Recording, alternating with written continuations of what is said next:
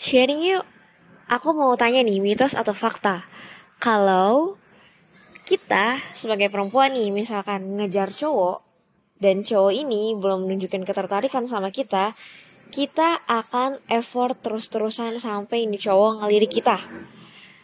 Mitos atau fakta? Yang kedua, mitos atau fakta juga kalau cowok yang kita kejar akhirnya kita dapetin dia nggak akan punya rasa sayang sebanyak rasa sayang yang kita kasih ke dia. Jadi effort dia nggak sebanyak effort yang kita lakukan. Sekalipun kita udah in relationship sama dia misalkan. Akan ada banyak hal-hal yang nggak sesuai dengan kemauan kita. Contohnya mungkin dia akan lebih uh, menutup diri atau uh, cuek diam dan lain sebagainya.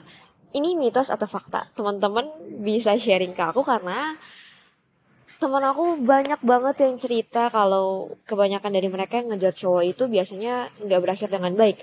Antara si cowoknya ini cuek nggak terlalu sayang sama dia nggak terlalu protektif sama dia nggak terlalu peduli lah sama dia atau uh, dia yang merasa capek karena mengeluarkan effort yang lebih besar. Sedangkan dia nggak mendapatkan itu dari pasangannya.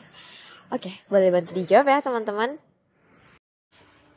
mitos atau fakta kalau dalam suatu hubungan kalau cowoknya lebih sayang dan gak mau kehilangan ceweknya maka hubungan itu akan langgeng tapi sebaliknya kalau uh, si cewek yang malah lebih ingin mempertahankan hubungannya daripada si cowok atau si cowoknya mungkin uh, so-so biasa-biasa aja, maka hubungan tersebut akan banyak konflik.